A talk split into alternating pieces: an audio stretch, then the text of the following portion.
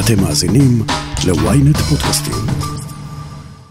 מחר בערב, בשעה 10, ייצמד עם ישראל אל המסכים, בתקווה לדעת סוף סוף מי ניצח במערכת הבחירות הכי ארוכה שהייתה לנו במאה הנוכחית.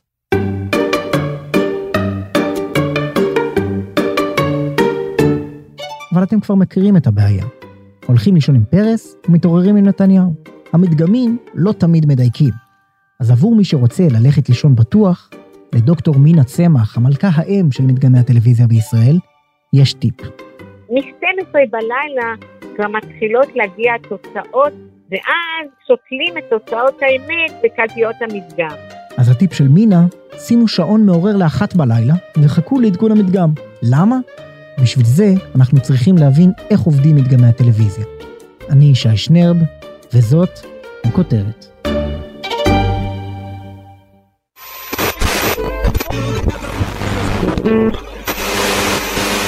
ועכשיו, גבירותיי ורבותיי, אל מדגם 99.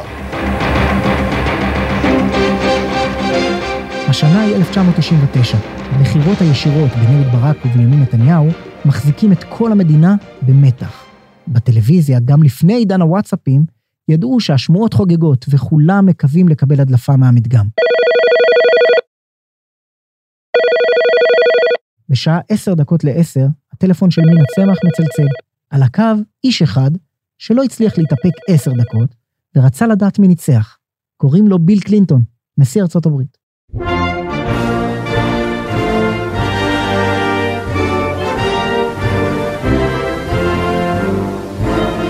תראה, העוזר שלו היה ידיד שלי גם, הוא הרצה לעצמו, מפני שהיינו מאוד בידידות.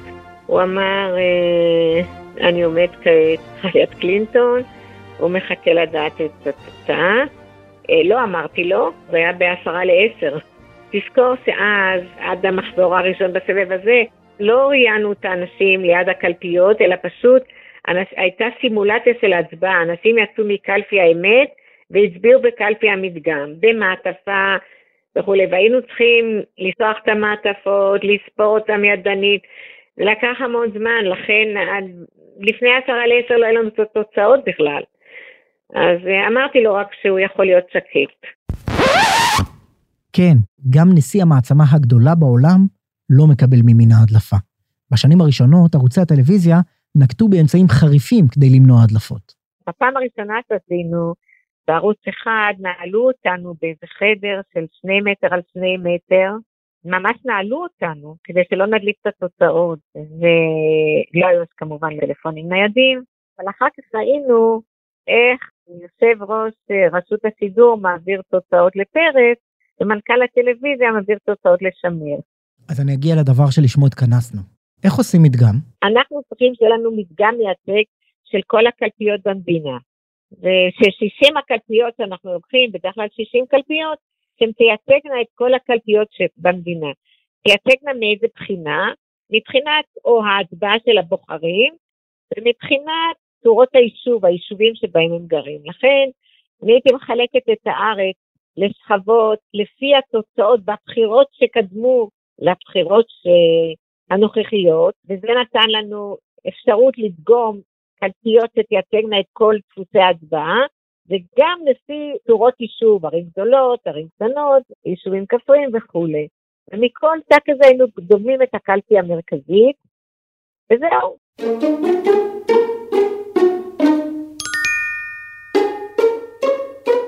ביום הבחירות היה לנו בכל קלפי כזאת שדגמנו, הקמנו גם קלפי מדגמית, שזה היה ממש סימולציה להליך הבחירות עם הפרגוד, אותו פרגוד, אותם, אה, אה, אותה תיבה וכולי. והבוחרים שהצביעו בקלפי המדגמה התבקשו לשחזר את ההצבעה שלהם בקלפי המדגם. תגידי, למה 60 קלפיות? כי לא היה כסף ליותר. לא, זאת התשובה האמיתית. אבל הגענו למסקנה שב-60 קלפיות אנחנו יכולים לתת תוצאה מדויקת אה, מספיק, ולא היה כסף ליותר. מאז עברו כמה שנים. מינה צמח כבר פרשה מסקרים פוליטיים אחרי מועד א', וגם מדגמי הטלוויזיה נעשים בצורה טכנולוגית יותר.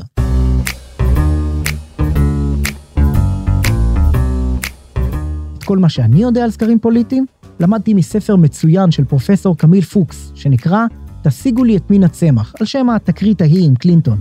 אז פרופסור פוקס, הסוקר של רשת 13, איך זה עובד היום? היום כבר הדברים נעשים בדיגיטל, נותנים לאנשים טאבלטים, והם לוחצים על הפתק שהם הצביעו בקלפי. אז בוא רגע נבין איך זה עובד ביום הבחירות. החברה שלך שולחת עובד עם טאבלט בשבע בבוקר לכל הקלפיות, והוא או היא מנסים לתפוס את האנשים אחרי ההצבעה ולבקש שיסמנו למי הצביעו? בדיוק ככה, רק שאין חברת קמיל פוקס. ערוץ 13 זאת אופרציה גדולה, לוגיסטיקה גדולה, שהם שוכרים גם עם מיקור חוץ בשביל הדבר הזה.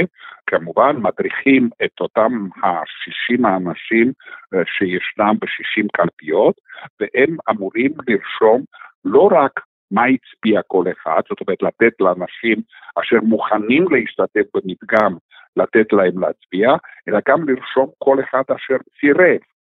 ואז אנחנו מקבלים גם אחוזי ההצבעה באותן הקלפיות, שזה מאוד חשוב אחר כך בחישוב.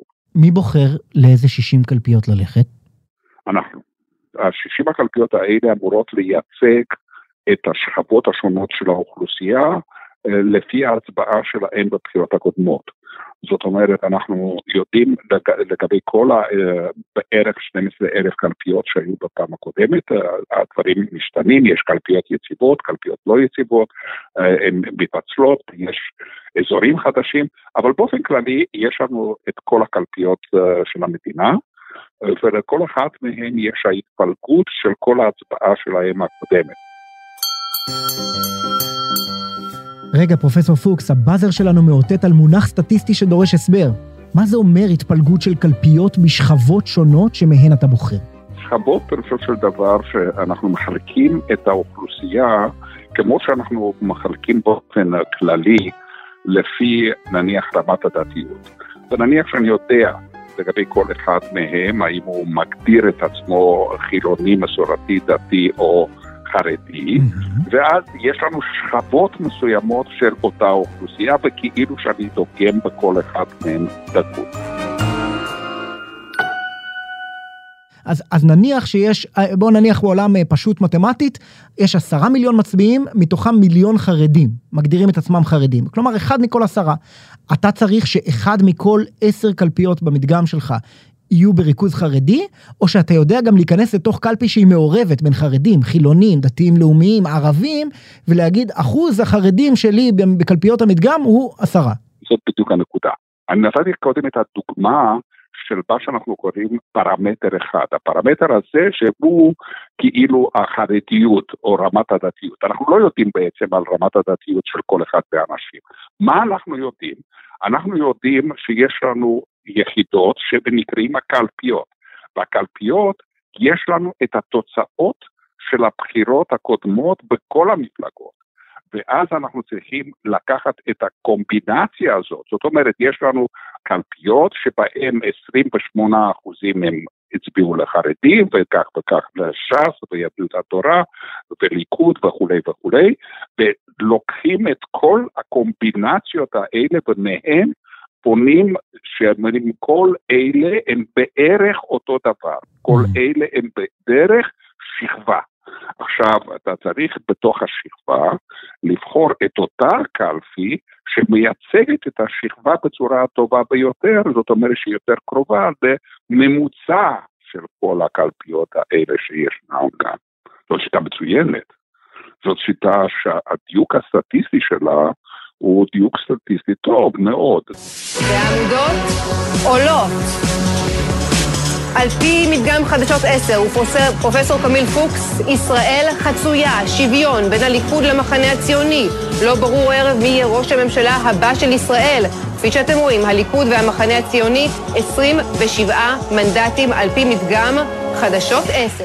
כולם זוכרים את הפשלות, אבל לא זוכרים את הדיוק יחסי שהיה ברור שאנחנו צריכים לקחת בחשבון שאחר כך באים חוק פאדר עופר, ובאים את הסכמי העודפים, גם אלה אנחנו מכניסים אותם בתוך החשבון ככל האפשר, אבל התוצאות הן לא מושלמות, אבל הן די טובות. הן בוודאי יכולות לנבא נכון את המנצח. במקרה הספציפי שלנו שיש לנו תיקו, אז הטעות יכולה להיות טעות פוליטית גדולה, כמו שהיה בין אה, פרס לנתניהו ב-96. ועכשיו לתוצאות המדגם, אבל קודם המילה הבלתי נמנעת של אזהרה, התוצאות שנקרא כעת הן תוצאות מדגם בלבד, הכל פתוח ובהחלט ייתכנו שינויים במהלך הלילה הארוך הזה. אני רוצה להזכיר את בחירות 1996, נתניהו מול פרס. חיים יבין אומר בטלוויזיה את המשפט המופלא הבא: אנחנו בתיקו עם יתרון קל לפרס. מה הציבור הבין מזה? שהלך לישון עם פרס והתעורר עם נתניהו. נכון מאוד, וזה המשפט שאני אמרתי לחיים יבין בתוך האולפן, שהוא שאל אותי כמיל מה אתה אומר, אמרתי לו תיקו אי אפשר להחליט, אפילו השתמשתי במילים באנגלית, too close to call. ואז הוא אומר, אתה לא יכול לומר את זה כי יש ערוץ שניים, והם ייתנו תוצאות, אתה חייב להגיד משהו. אז אמרתי לו תיקו עם יתרון קל לפרס, והשאר היסטוריה. לא יאמן. וזה בדיוק הפער בין הסטטיסטיקה והמספרים והמקצוע שלך לבין העיתונות והכותרות ומה הציבור מבין מכל הדבר הזה, והכי חריף והכי בעייתי זה בליל המדגם. יש הבדל גדול בין מה שנקרא טעות סטטיסטית לבין טעות פוליטית. זאת אומרת, מה שהיה שם זה היה טעות פוליטית. כשאני בא אחר כך לסמינר ואני מסביר את הדברים האלה, אמרתי, תסתכלו כמה שהתוצאות הייתה מדויקת מבחינה סטטיסטית, פלוס מינוס אותו הדברים. הפלוס מינוס הזה, או הטעות הדגימה, לא מעניינת את הציבור. ואנחנו צריכים לחיות עם זה. אבל, אבל יש לך גם בעיה עם מפלגות שמתנדנדות סביב אחוז החסימה, ובמערכת הבחירות הנוכחית יש הרבה מאוד כאלה. גם רע"מ, וגם חד"ש-תע"ל, וגם איילת שקד מלמטה, וגם אה, העבודה ומרץ, אולי אפילו ליברמן.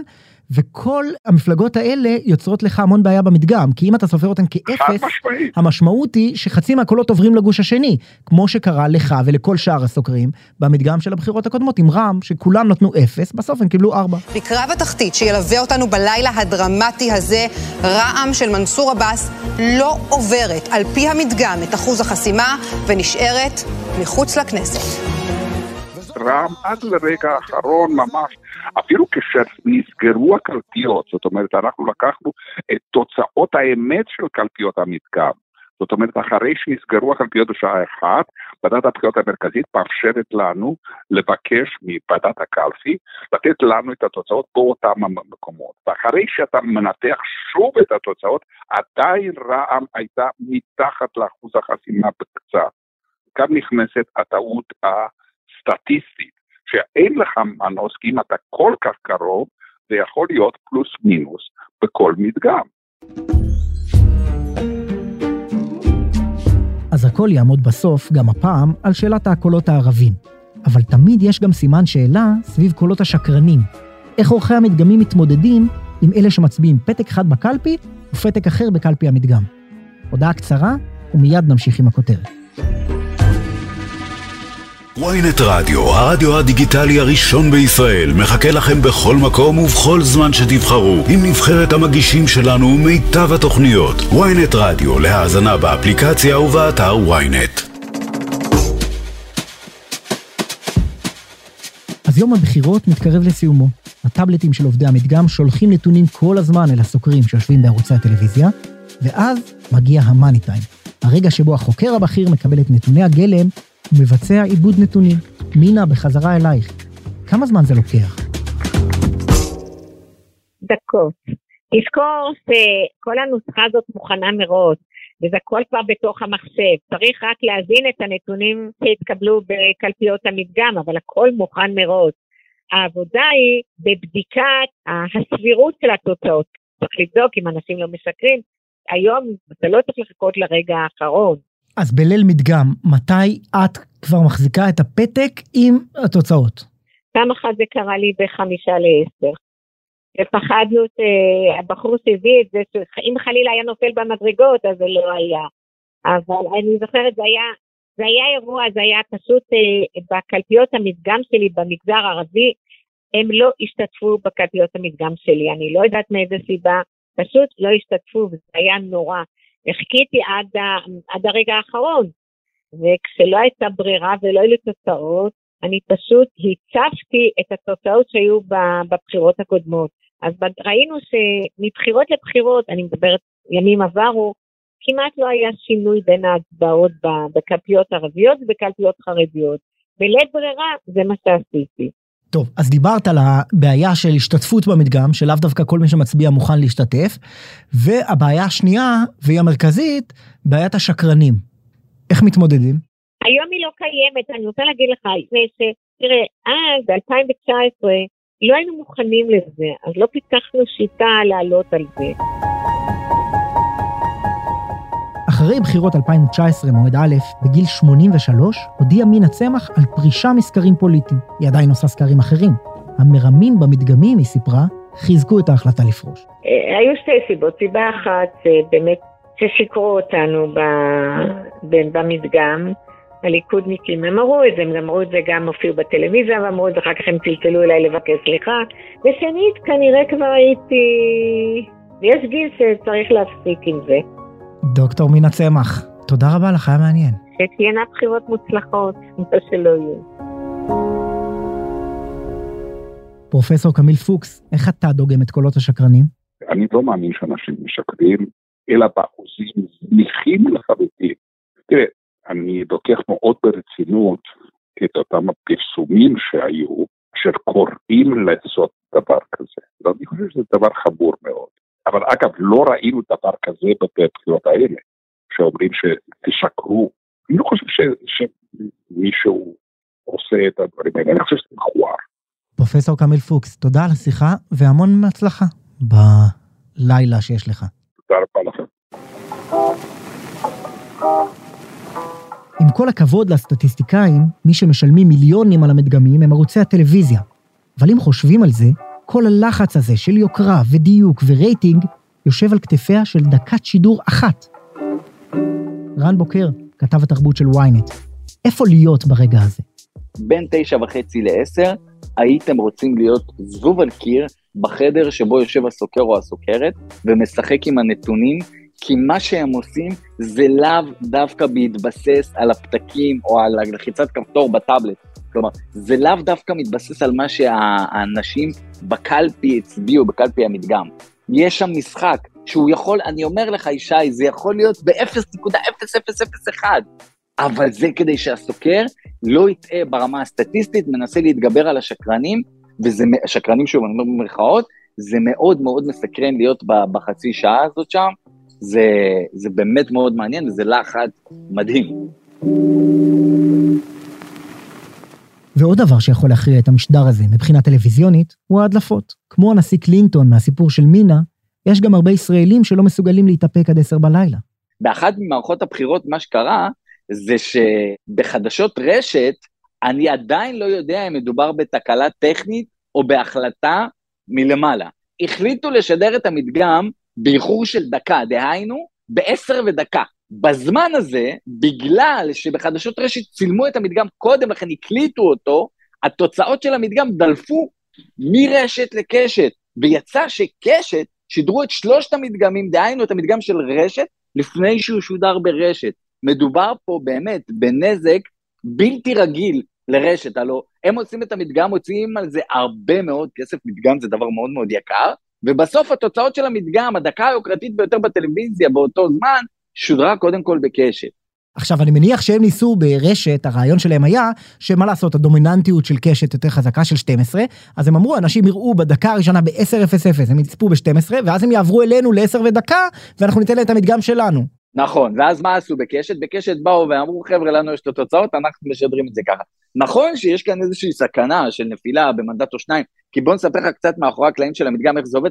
יושבים עכשיו סוקר א', סוקר ב', סוקר ג', מקבלים את התוצאות לכל אורך היום, יש אינדיקציות כבר מהשעה ארבע בערך, אני מדבר, ושוב, זה הכל יכול להשתנות, יכול להיות שהתוצאות, האינדיקציות שאתה מקבל בשש, יהיו שונות לגמרי מאלה של תשע וחצי בערב, אבל יושב עכשיו אותו סוקר, סוקר א' נקרא לו, הוא מסתכל עכשיו, רואה את התוצאות, רואה, הוא צריך שיהיה לו 120. פתאום מפלגה שמבחינתו בכל הסקרים, בכל הסקרים, הגיעה לנתון X ופתאום היא ב-X פלוס 3, שזה דבר שהוא נראה לו מאוד מאוד מוזר סטטיסטית, בהתייחס לתוצאות האחרונות, הוא מסדר את המדגמים, או היא, מסדרים את המדגמים, מסדרים את המנדטים.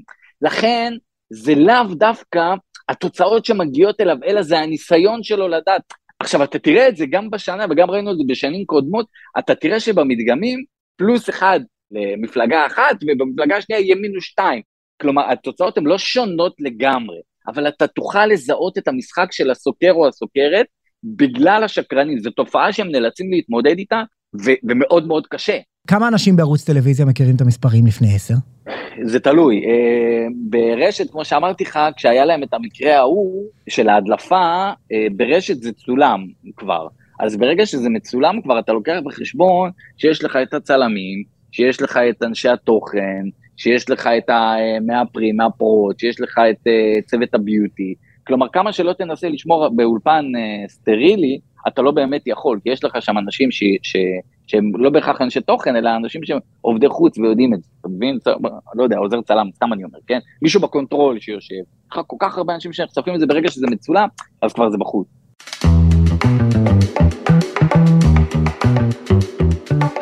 בדרך כלל, החל משמונה בערב, נקרא לזה ככה, אני כבר מרגיש בוואטסאפים את ה... רגע, תראה, מה, מה אלה אומרים? מה אצל קמיל? מה אצל מינה? מה אצל מנו? מה אצל דודי חסיד? מה אצל מומו פילבר? וכולי וכולי. רצים אינסוף מספרים. מהניסיון, הרבה מהם לא אמינים. איך זה עובד כל ההדלפות, ו- ואיך יודעים שהם באמת אה, משחררים את המספר?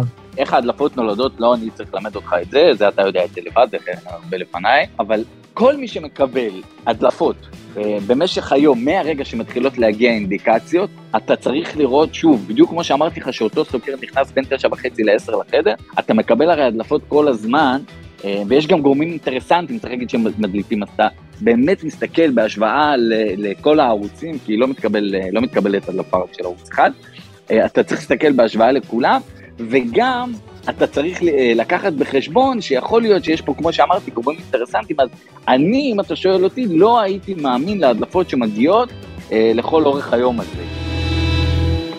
רגע, אז טיפ, רן בוקר פה נותן טיפ לחובבי הוואטסאפים. אם, ב, לא יודע, בין 9 ל-10 קיבלתם הדלפה שנראית עם שלושה מדגמים כבר, אפשר להאמין לזה. אז אני חושב שאם מגיעים אליכם שלושה מדגמים, שהם פחות או יותר מספרים את אותו סיפור, אפשר להתכנס לידי אותה, ואני אומר לך את זה מניסיון, זה לא ש... זה, אתה יודע, ככתב תקשורת במערכת בחירות, שככל שגוברים סבבי הבחירות מבחינת הכמות שלהם, סבב א', ב', ג', ד', ה' וכו', אז נורא קשה יותר ל- ל- להשיג הדלפות. קשה הרבה יותר. רן בוקר, כתב התרבות של ynet, תודה רבה לך. תודה, ישי, תודה. אז יצאנו מהפודקאסט היום עם שתי תובנות לליל הבחירות. לא מאמינים להדלפות ממדגמי הטלוויזיה, לפחות עד שיוצאים שלושה כוכבים או שלושה מדגמים לקראת השעה תשע וחצי. ומי שרוצה ללכת על בטוח, חכו לאחת בלילה, לתוצאות האמת בקלפיות המדגם. אנחנו? אנחנו נחכה בסבלנות לתוצאות האמת. עד כאן הכותרת להפעם. אתם מוזמנים לעקוב אחרינו בוויינט רדיו, באפליקציה בנייד וגם ברכב, או איפה שאתם שומעים את הפודקאסטים שלכם. אם זה קורה באפל או בספוטיפיי, דרגו אותנו. והאזינו גם לפרק נוסף שלנו על תעמולת הבחירות בטלוויזיה. חפשו את הפרק סודות תשדירי הבחירות. עורך הפודקאסטים הוא רון טוביה, בצוות שרון קידון, אלי שמעוני וגיא סלם. אני ישי שנרב, ניפגש בפעם הבאה.